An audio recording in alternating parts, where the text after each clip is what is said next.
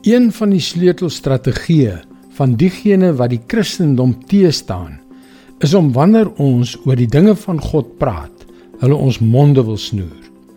Hulle maak ons stil en laat ons verstaan dat ons hulle aanstoot gee deur dit wat ons sê.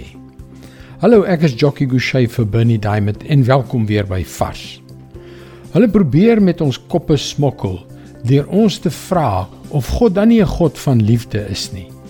En liefde beteken tog aanvaarding. Liefde beteken tog verdraagsaamheid. Liefde beteken insluiting, diversiteit en al daardie ander woorde wat hulle deesdae so graag gebruik. Maar liefde beteken ook om die waarheid te praat. My ouers was lief vir my en tog het hulle nie my slegte gedrag aanvaar nie. Hulle het nie my verkeerde houdings verdra of my rebellie oorgesien nie. En dis ook maar goed nie maar steeds kies die wêreld om aanstoot te neem wanneer daar van die evangelie gepraat word. Die vraag is hoekom? Charles Spurgeon verduidelik: Christus maak mense kwaad omdat sy evangelie nie sonde verdra nie. Dit is die onverdraagsaamheid van Jesus teenoor sonde wat van Jesus 'n struikelblok vir hulle maak. Lukas 24 vers 44 tot 49.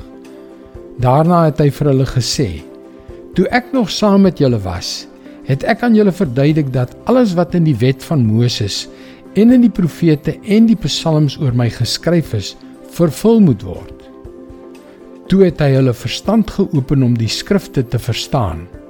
Daarop het hy gesê: "So staan dit opgeteken: Die Messias moet ly en op die derde dag opstaan uit die dood.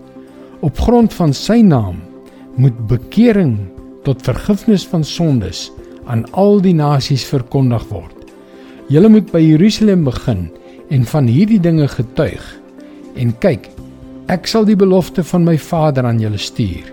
Julle moet in die stad bly totdat julle van God af met krag bemagtig is. Het jy verstaan wat Jesus daar gesê het? Bekering en vergifnis van sondes moet in sy naam aan alle nasies verkondig word. Daar is geen vergifnis sonder bekering nie.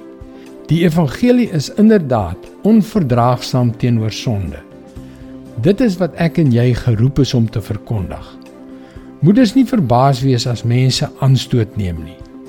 Dit is God se woord vars vir jou vandag. God gee ons nietemin die krag om die evangelie van bekering en vergifnis te verkondig. Dit is hoekom gebed so belangrik is om daardie krag vas te vat. Kom maak dus 'n draai by powerfulprayer.org om jou gebedsversoek te deel. Luister weer maandag op dieselfde tyd op jou gunstelingstasie na nog 'n vars boodskap. Seënwense en mooi loop.